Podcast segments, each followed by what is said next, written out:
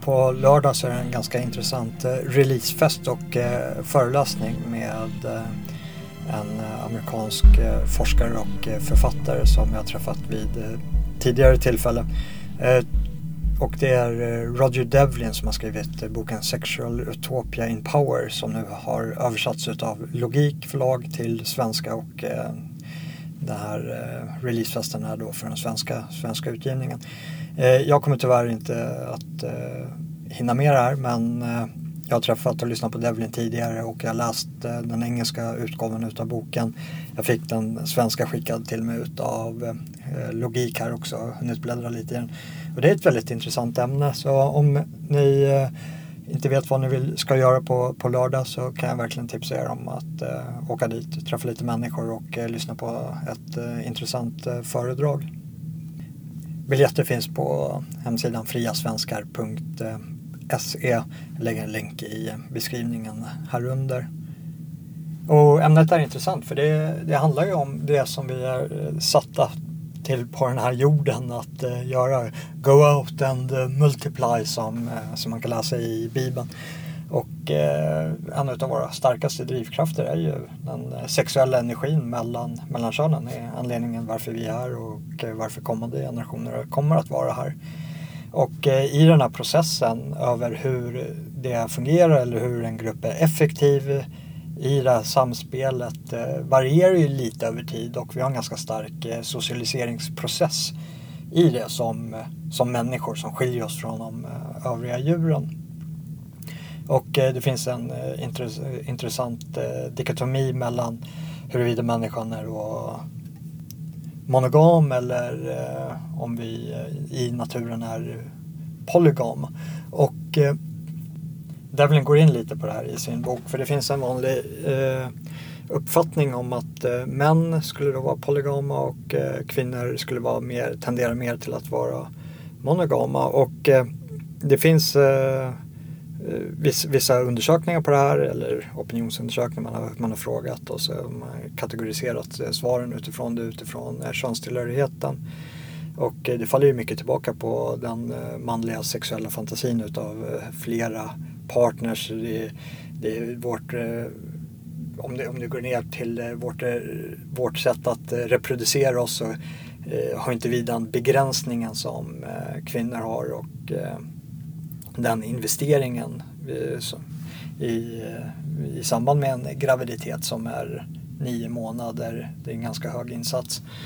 Och eh, vi kan sprida vår säd så att säga på ett, eh, på ett helt annat sätt än eh, vad kvinnor kan få eh, sina ägg befruktade. Och eh, det har ju påverkat vårt sätt att agera och eh, eh, betrakta de här sakerna. Och därmed så eh, har då män då kanske kategoriserats till att vara mer att eh, tendera till att eh, vilja leva mer polygamt än vad kvinnor då, som vill eh, leva, leva eh, med, med en man bara. Och eh, de här studierna som Devlin refererar till eh, i, i sin bok eh, så har de ställt den frågan. Den, den undersökande studien var ja, men hur många sexuella partners eh, ser du dig själv ha haft inom en eh, tvåårsperiod? Och då har kvinnor svarat eh, i en större utsträckning än, än vad eh, män har gjort som har svarat i, i plural. Och eh, tesen då som, ja det är förbi, förbi tes skulle jag vilja säga för det är väldigt väl, väl underbyggt, är att eh, kvinnor föreställer sig en person eh, men utifrån eh, hypergami som ett begrepp som lyfts eh, i boken så är den eh, sexuella attraktionskraften som kvinnor finner gentemot eh, män är någon som har lyckats och är framgångsrik, någon som är värd att se upp till. Eh, och man ska läsa in där i ganska abstrakta termer att eh, det beror på vad tjejen själv anser är eh, vilket fält hon själv befinner sig i och vad hon anser är är ett viktigt eh, område som man blickar upp i och eh, ja, någon, någon som hon kan fangirla. Så det är ju en person som är där uppe men vem den personen är kan då variera. Eh, och eh, det är då argumentet som Devlin lägger fram här att eh, ja, men det kan till ytan se ut som att tjejer är mer monogama än män men skrapar man där på ytan lite så ser man att den här personen som de föreställer sig behöver inte nödvändigtvis vara samma person över tid. För det finns massa olika former av hierarkier som värdesätts och Eh, alla de här hierarkierna är inte stabila över tid heller och eh, attraktionskraften från den här eh, personen som tjejen då har fangirlat kan variera ganska kraftigt på, inom olika domäner och olika tid. Och boken laborerar lite kring, kring de här sakerna och sen framförallt vad som gör det intressant är ja, men hur relaterar det till samhället? Hur påverkar det oss över hur vi väljer att leva, hur vi väljer att organisera vårt samhälle? Och eh, då finns det ju vissa svar som är mer framgångsrika än andra. Och eh, eh Devlin förespråkar det traditionella äktenskapet eh, eh, som har bevisat sig över tid eh, till skillnad från den här sexuella frigörelsen som bara har några årtionden på, på nacken. Och även fast eh, den sexuella frigörelsen eh, bara rör sig om från eh, ja, men vad, ska man, vad ska man säga, processen har ju börjat med eh, den tidiga feminiseringen vid förra sekelskiftet men eh, sen 60-talet med p-pillret så har ju det exploderat. Och ett av de här problemen är ju att det existerar en lögn i rummet om att vi är alla lika och lever man efter sådana här eh, lögner och har den betraktelsen som till exempel en tjej var inne på hypergami, att eh, vad de finner attraktivt hos en man som har eh, lyckats i karriären till exempel och eh, är välbeställd och eh, har gott om eh, ekonomiska resurser och uppskattade av samhället och eh, andra män framförallt. Det har man ju testat också till exempel med eh, eh att eh, när män bedömer kvinnor i, utifrån utseende eh, och ser foton på dem så, så, får man en jämn kurva över eh, vem som är snyggare, medel, medel och eh, vem som inte är det i, i en eh, skala. Medan eh, kvinnor, nu kommer jag inte ihåg vad, vad den här studien är, jag är inte säker på att Devlin tar upp den i, i boken heller, men det är sådana här saker som har testats gång på gång och resultatet är alltid samma. Att eh, då visar man eh, den kvinnliga gruppen en eh, bild på en man som är en neutral bild och så får, gör den här tjejen en bedömning av den mannen och sen så placerar man in exakt samma person i en eh, finare kontext framför en fin bil eller en dyr lägenhet eller något annat som Eh, påvisar en väldigt hög status eller eh, väldigt resursstark.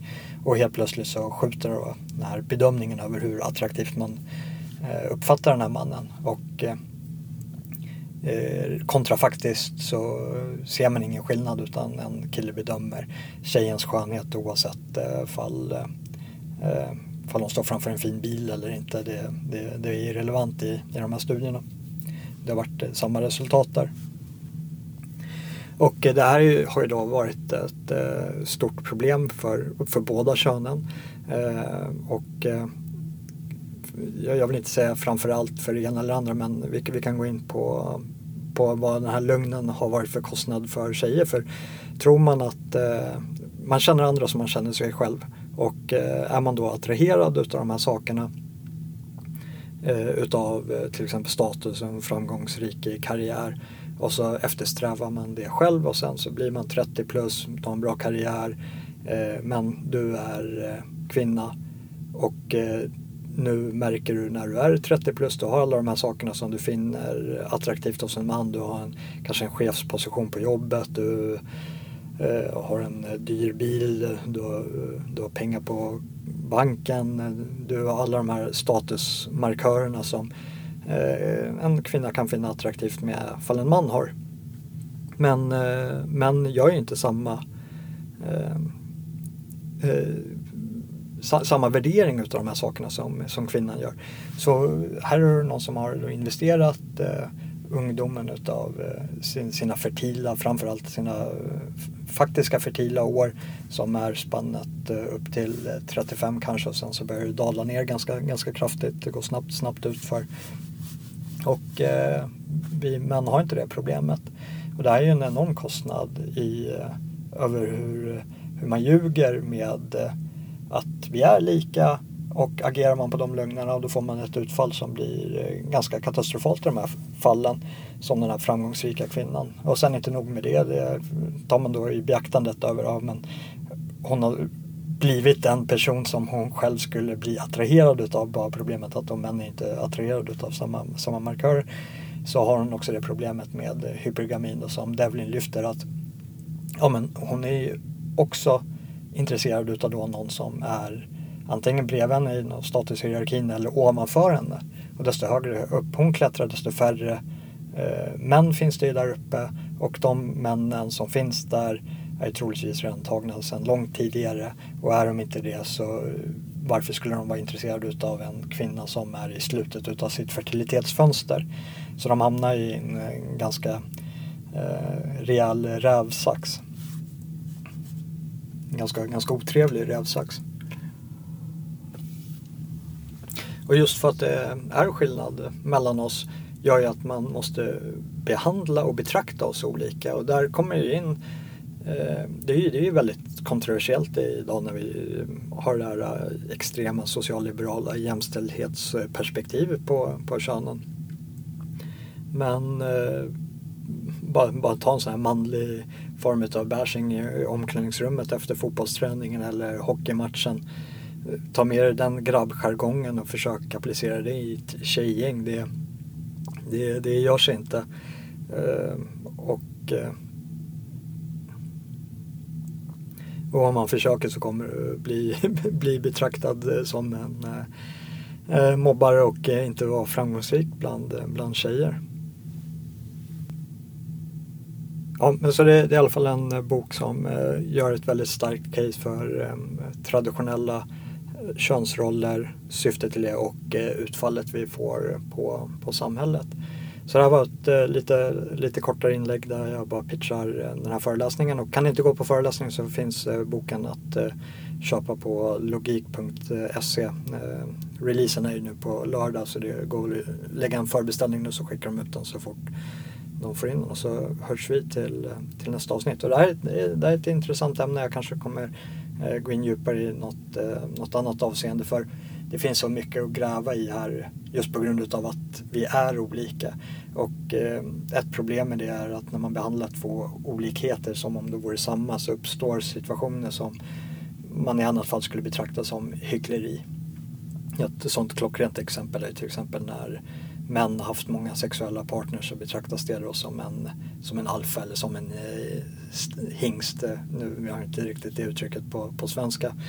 Eh, stad Eh, på engelska. Och ifall en tjej har det så betraktas hon som slampa. Och det, är, det är ju för att vi inte är lika. Det ena krävs ju en enorm bedrift av att det faktiskt kan vara ganska svårt att eh, få tjejer medan eh, för en tjej så kan det vara ganska lätt att välja, välja vilken kille. Speciellt för det är så att vi pratar om eh, eh, enats, eh, det är ju mycket svårare för en tjej att eh, behålla en kille över tiden att bara gå ut att eh, få en kille. Men eh, båda, båda könen eh, förlor, förlorar på det här eh, sexuella frisläppta spelet och det är därför vi har över tid eh, domesticerats, eller fel att säga, men socialiserats in till att eh, lägga band på eh, våra polygama dragningar och eh, leva, leva monogamt och sen har vi ritualiserat det genom, genom äktenskapet och det lägger grunden för ett, för ett stabilt, stabilt samhälle. Och där eh, går ju Devlin också in på var, varför, varför det blir ett stabilt samhälle. Eh, jag ska inte spoila, spoila för mycket från, från boken. Men eh, det finns mycket, mycket att gräva här och eh, det är en bok och eh, det, det, ämnet är så pass mycket bredare än vad den här boken skulle kunna, kunna göra rättvisa. Då, så, så mycket av eh, vårt samhälle och eh, hur vi betraktar saker och ting faktiskt eh, utgår från de här fundamentala eh, frågorna. Jag sitter just nu med och funderar på om jag ska göra ett specialavsnitt om eh, Dahomey-stammen. Det har ju släppts en film här med en eh, krigardrottning. En eh, svart, eh, svart stam i, i Afrika då, som eh, på grund utav att eh, hövdingen där sålde iväg sin egen manliga befolkning som slavar. Då fick man mer betalt för, för manliga slavar än kvinnliga slavar. Så hade han ett stort överskott av tjejer och behövde någon form av intern eh, polisiär eh, styrka som han använde sig utav. Och eh, nu har de då filmatiserat det här och eh, eh lyfter, lyfter fram den här stammen då som ett framgångsrikt exempel då, då kvinnor dominerar män i, i strid. Eh, och det finns, det finns eh, och det, det, är många sådana vanföreställningar vi har idag också och eh, när man får ett sånt här utfall när man inte när man låtsas om att det inte existerar några skillnader mellan könen. Ja, men då hamnar, hamnar man här att man kan göra sån här Hollywood-framställan utav en väldigt tillrättalagd historia och eh, menar på att eh, tjejer skulle vara bättre på att eh, slåss än vad män är. Och då speciellt. Och då har vi inte ens, nu i, i ett förteknologiskt samhälle så vi har inte ens eh, eh, vapen som kräver mindre styrka att eh, nyttja utan det är ju eh, en fysisk kamp som närmast kan likna en rugbymatch. Så om ni kan föreställa er ett, eh, ett kvinnligt rugbylag som ger sig på ett manligt rugbylag så krävs det nog att eh, det har ju testats. Eh, I Sverige så var det ju svenska damlandslaget som fick stryk av 14-åriga eh, Solna-pojkar i, i fotboll. Eh, nu var det fotboll de spelade och hade det varit rugby som eh, hade spelat så hade de nog och de förlorade mot de här 14-åriga pojkarna. Och skulle det vara en rugbymatch så hade de nog behövt gå ner ännu längre i, i, i de manliga åldrarna för att tävla mot eh, riktiga pojkar, små pojkar för att eh, överhuvudtaget eh, kunna, kunna vinna en sån match. Men som sagt, det vi, vi tar ju vår idrott på större allvar än vad vi tar vår försvarsförmåga varpå vi ser att eh, vi sett, satsar väldigt mycket pengar på marknadsföring för att få in eh, kvinnor i, i eh, den svenska försvarsmakten. Men vi eh, gör inga insatser på att få in eh, kvinnor i vårt eh, fotbollslandslag. Och det är inte ett herrfotbollslandslag och ett damfotbollslandslag. Damfotbollslandslaget är ett damfotbollslandslag där killar inte får spela. Och i vårt landslag får de elva bästa spelarna vi kan uppbringa spela. Oavsett om det är en tjej eller kille. Nu det här citatet kanske kommer åldras dåligt på grund utav eh, alla transmän som eh, inte kan tävla mot andra män. Väljer att eh, låtsas vara kvinnor så att de kan eh, stå på pallen. Men ja, som jag säger, det finns eh, mycket, finns mycket att prata om som är relaterat till, till det här ämnet. Mycket av samhället utgår faktiskt från, från just sådana här, såna här frågor och så byggs, byggs det på därifrån och spretar ut. Eh, allt ifrån över röstmönster, varför män röstar eh, mer i större utsträckning i oppositionen, vad, vad kvinnor gör och eh, med den ekonomiska omfördelningspolitiken inom den kvinnliga rösträtten så var i princip all politik fokuserad på eh, hårda frågor såsom eh, säkerhetsfrågor. Medan eh, med, med den kvinnliga rösträtten så har vi gått mer och mer mot eh, omvårdnadsfrågor. Så eh, ja, definitivt skillnad mellan, mellan könen och eh, hur man eh, han, agerar på de skillnaderna får också ett stort utfall på, på vårt samhälle. Men eh, det här var en liten shout-out till, eh, till den här föreläsningen nu på, på lördag 27 maj. Biljetter finns på friasvenskar.se eh, och boken kan köpas på logik.se och så hörs vi till nästa avsnitt.